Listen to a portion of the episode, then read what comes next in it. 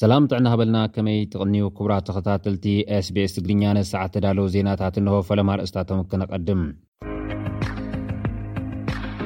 ኢትዮጵያ ብሰንኪ ኩናት ትግራይ 1.5 ትሪልየን ብር ወይ 28 ቢልዮን ዶላር ክሳራ ከም ዝገጠማ ገሊጻ ኣብ ትግራይ ዑደት ዘካይድ ዘሎ ኣምባሳደር ሕብረት ኣውሮፓ ሮላንድ ኮብያ ኣብ ሽረ መዕቖቢ ተመዛበልቲ ዑደት ኣሳሊጡ። ዓመታዊ እቶት ጁቡቲ ኣስታት ሰለስተ ቢልዮን ዶላር ከምዝበጽሐ ተሓቢሩ። መበል ሰላሳን ክልተን ዓመት ናጽነት ኤርትራ ዕስራን ኣርባዕተን ግንቦት ኣብ ውሽጥን ወጻእን ብዝርከቡ ኤርትራውያን ብዝተፈላለየ መልክዕ ይጽበል ኣሎ። ግዝያዊ ምምሕዳር ትግራይ ኣብ ጉዳይ ተመዛበልቲ፣ ትምህርትን ጥዕናን ቀዳምነት ሂቡ ከምዝሰርሕ ኣፍሊጡ። ኣብ ማእኸል ክልተ ቅልውላዋት ተሸሚሞም ምኸድ ዝሰኣኑ ተጋሩን ኤርትራውያንን ስደተኛታት ኣብ ሱዳን ኣብ ዓፆ ከምዘለዉ ተገሊፁ ዝብሉ ነዚ ሰዓት ተዳለዎ ሓበሬታታት እዮም። ናብ ዝርዝራቶም ክንቅፅል። ኢትዮጵያ ብሰንኪ ኲናት ትግራይ ሓደ ነጥቢ ሓሙሽተ ትሪልየን ብር ወይ ዕስራን ሸሞንተን ቢልዮን ዶላር ክሳራ ከምዝገጠማ ገሊፃ። ኢትዮጵያ ኣብ ትግራይ ብዝተወለዐ ኲናት ዝበፅሓ ጉድኣት ዳህሳስ ንምግባርን ዳግመ ህንፀት ንምክያድን ዝምልከት ኣብ ዘካየደቶ መፅናዕቲ ሓፈሻዊ ጉድኣትን ኢኮኖሚያዊ ክሳራታትን ዕስራን ሸሞንተን ቢሊየን ዶላር ከምዝኾነን ኣብዚ ወቕቲ ብዘሎ ናይ ወፃኢ ሸርፊ ልዕሊ ሓደ ነጥቢ ሓሙሽተ ትሪሊየን ብር ዝግመት ሃገራዊ ክሳራ ከምዝበፅሓ ሚኒስትሪ ገንዘብ ዕላዊ ገይሩ'ሎ። ሚኒስትሪ ገንዘብ ኢትዮጵያ ንቀዋሚ ኮሚቴ ባይቶ ወከልቲ ህዝቢ ኢትዮጵያ ብዘቕረቦ ጸብጻብ መሰረት ዕስራን ክልተን ቢልዮን ዶላር ወይ ድማ ካብ ጠቕላላ ናይታ ሃገር ዘቤታዊ ምህርቲ፣ GDP፣ ዕስራ ነጥቢ ኣርባዕተ ሚእታዊት ዝግመት ጉድኣት ከም ዝበጽሐን በዚ ምኽንያት ዝበጸሐ ኢኮኖሚያዊ ክሳራ ድማ ኣስታት ሽዱሽተ ቢልዮን ዶላር ወይ ድማ ካብ ጠቕላላ ናይታ ሃገር ዘቤታዊ ምህርቲ፣ ጂዲፒ፣ ሓሙሽተ ነጥቢ ሓሙሽተ ዝግመት ክሳራ ከም ዝኾነ ኣመላኺቱ ኣሎ። በቲ ሚኒስቴር ዝቐረበ ናይ ጉድኣት መጠን፣ ኢትዮጵያ ኣብ ዝሓለፉ ብርክት ዝበሉ ዓመታት ካብ ናይ ወፃኢ ኣለቃሕቲ ንኢኮኖሚያዊ ልምዓት ለቂሓ ምስ ዘይመለሰቶ ጠቕላላ ናይ ወፃኢ ዕዳ ማዕረ ዕስራን ሸሞንተን ቢሊየን ዶላር ከም ዝበፅሐ ኣረዲኡ። ኢትዮጵያ ኣብዚ ወቕቲ ዘለዋ ጠቕላላ ናይ ወፃኢ ዕዳ ዕስራን ሸሞንተን ቢሊዮን ዶላር እዩ።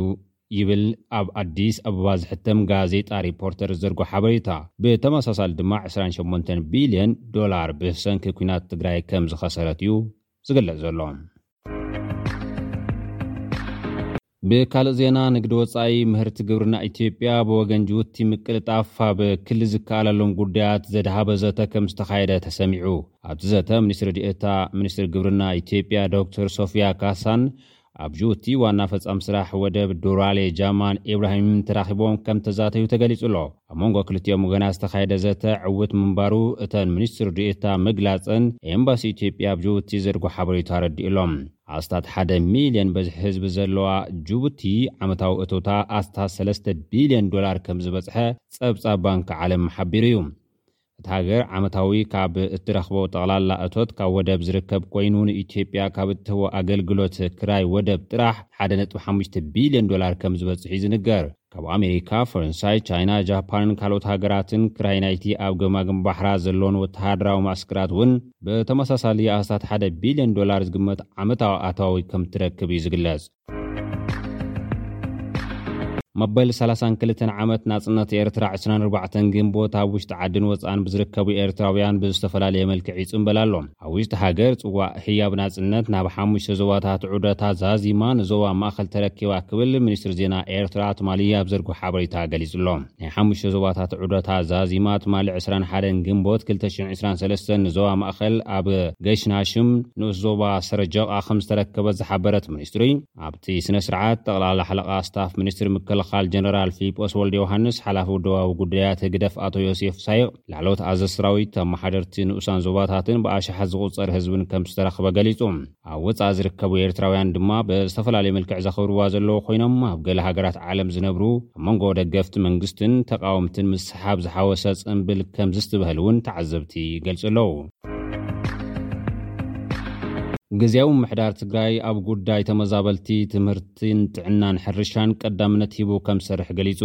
ኣባላት ካቢኔ ግዝያዊ ምምሕዳር ትግራይ ድሕሪ ስምምዕ ፕሪቶርያ ካብ ዝተፈላለዩ ክፋላት ሕብረተሰብ ብዝተዋፅኡ ወኪላት መድረኽ ዘተ ኣካይዶም ኣለው። ኣብቲ መድረኽ ተረኺቡ መብርሂ ዝሃበ ፕረዚደንት ትግራይ ኣይተ ጌታቸው ረዳ ድሕሪ ስምምዕ ፕሪቶርያ ግዝያዊ ምምሕዳር ትግራይ ተመዛበልቲ ናብ መረበቶም ክምለሱ ኣብ ማሕበራዊ ኣገልግሎታት ብዕቱብ ክስራሕ ሓረስታይ እታወታት ሕርሻ ኣብ ዝረኽበሉ ጉዳይ ጠመተ ሂቡ ከምዝሰርሕ ኣረጋጊፁ ኣሎ። ብዘይካ'ዚ ህዝቢ ዘንፀርፅረሎም ጉዳያት ምርግጋፅ ፍትሕን ፀጥታን ግዝያዊ ምምሕዳር ትግራይ ዓብዪ ልኡኽቶ ተሓንጊጡ ከምዝንቀሳቐስ ዩ ፕረዚደንት ጌታቸው ረዳ ሓቢሩ ዘሎ።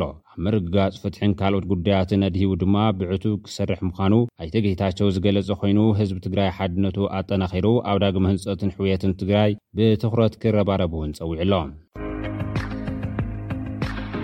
ኣብ ትግራይ ዑደት ዘካይድ ዘሎ ኣምባሳደር ሕብረት ኣውሮፓ ሮላንድ ኮቢያ ኣብ ሽረ መዕቖቢ ተመዛበልቲ ዑደት ኣሳሊጡ። ኣምባሳደር ሕብረት ኣውሮፓ ኣብ ኢትዮጵያን ሕብረት ኣፍሪካን ሮላንድ ኮቢያ ብሰንኪ ኣብ ትግራይ ዝተኸሰተ ኲናት ካብ ምዕራብ ትግራይ ዝተመዛበሉ ዝርከብሉ ህልዊ ኩነታት ከምዝተዓዘበ ተገሊፁ ኣሎ። ብተመሳሳሊ ኣምባሳደር ሮላንድ ኮቢያ ዝመርሖ ጉጅለ ኣብ ዩኒቨርሲቲ ዓዲግራት ዑደት ከምዘሳለጠን ኣብቲ ዩኒቨርሲቲ ዝበፅሐ ዕንወት ኣድሂቡ ምስ ኣመራርሓ ዩኒቨርሲቲ ዓዲግራት ከምዝዘተየን ዝተሰምዐ ኮይኑ እቲ ኣምባሳደር ምስ ጳጳስ ካቶሊካዊት ቤተ ክርስትያን ዓዲግራት ኣቡነ ተስፋስላሴ መድህን ተራኺቡ ዝዘተየ ኮይኑ ብዕንወት ዩኒቨርሲቲ ዓዲግራት ምሕዛኑ ምግላፁ ማዕከናት ዜና ትግራይ ፀብፂበን ኣለዋ። ብተመሳሳሊ ኣብቲ ኣብ ኲናት ትግራይ ዝዓነወ ጥንታዊ ነጋሽ መስጊድ እውን ከም ዝተዓዘበ ገሊፁ ኣሎ። ትምህርቲ ንዕብየት ዳግም ህንፀት ቁልፊ ብምዃኑ እቲ ዝዓነወ መሰረተ ልምዓት ትምህርቲ ዳግም ንምህናፅ ምርብራብ ከም ዘድሊ እውን ብትዊተር ኣብ ዘርጎ ሓበሬታ ገሊፁ እዩ። ኣብ ማእኸል ክልተ ቅልውላዋት ተሸሚሞም መኸዲ ዝሰኣኑ ኤርትራውያን ስደተኛታት ኣብ ዓፀወ ከም ዘለዉ ተገሊፁ። ንሰራሕተኛታት መፍረ ነዳዲ ደቡብ ሱዳን ከገልግል ዝፀንሐ መዕርፎ ነፈርቲ ፓይሎች መቆቢ ካብቲ ሽዱሽተ ሰሙን ኣቑፂሩ ዘሎ ኲናት ሱዳን ዝሃደሙ ኣሽሓት ሰባት ኮይኑ ኣሎ። ዓይኒ ምድሪ፣ ማይ፣ መግብን መብሰሊ ቦታን ኣብ ዘይብሉ ቦታ ዝተኣከቡ ሰባት ብባልጅኦም ተኸሊሎም ወይ ግዝያዊ ጽላል ሰሪሖም ግድም ኢሎም ኣብ ቀጻሊ ዝህሉ በረራ ይጽበዩ ኣለዉ።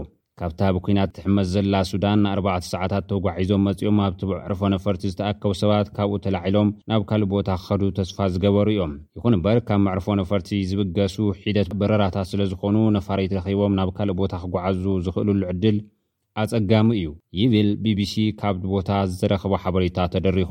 ካብዞም ስደተኛታት ቅድም ኢሉ ኣብ ሃገሮም ካብ ዘሎ ግዱድ ዕስክርና ሃዲሞም ኣብ ሱዳን ዝጸንሑ ኤርትራውያን ንኻልኣይ ግዜ ናብ ካልኣ ሃገር ዝስደዱ ኤርትራውያን ይርከብዎም ኢሉ'ሎ።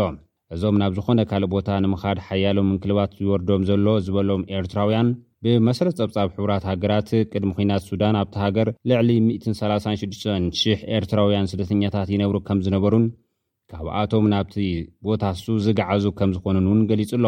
መቕጻዕቲ ሰበስልጣን ሃገሮም ብምስጋእ እቶም ስደተኛታታት ሽሞም ክገልጹ ኣይደለዩን ክብል እውን ብዛዕባ እቲ ዘለውሉ ኩነታት ቢቢሲ ኣብ ዘርጎ ሓበሬታ ሓቢሩ ኣሎ። ብተመሳሳሊ እቶም ካብ ኩናት ትግራይ ኣብ ክልተ ሽሕን ዓሰርተ ሰለስተን ዓመተ ምህረት ግእዝ ናብ ሱዳን ዘዕቆቡ ስደተኛታት ተጋሩ እውን እቲ ኣብ መንጎ ሰራዊት እታ ሃገርን ሓይልታት ወሃቢ ህጹጽ ደገፍን ዝተወለዐ ውግእ ነታ ሃገር ኣብ ከቢድ ቅልውላው ሸሚሙዋ ብምርካቡ ንሳቶም እውን ግዳያት ከምዝኾኑ እዩ ገሊፁ ዘሎ። ኣብ ትግራይ ድሕሪ ዝተወልዐ ደማዊ ኲናት ህይወቶም ንምድሓን ካብ ምዕራብ ትግራይ ናብ ሱዳን ዝተሰደዱ ተጋሩ ብሰንኪ እዚ ኣብ ሱዳን ተወሊዑ ዘሎ ሓዱሽ ውግእ ኣብ ከቢድ ሓደጋ ከምዝርከቡን ኣብተን መዓስከራት ሰብኣዊ ረድኤት ግብረ ሰናይ እውን ገዲፎሞም ብምብፅኦም ኣብ ሕሱም ኩነታት ከምዘለዉ እዩ እቲ ካብኡ ወፂኡ ዘሎ ሓበሬታ ኣመልኪቱ ዘሎ። ክቡራት ተኸታተልቲ SBS ትግርኛ ነዚ ሰዓት ተዳለዉ ዜናታት እዚኦም ይመስሉ። ምሳና ጸኒሕኹም ስለ እትከታተልኩም ኣዚና ነመስግን። ኣብ ቀጻሊ ብኻልእ ትሕዝቶ ክንራኸብ ኢና። ሰላም።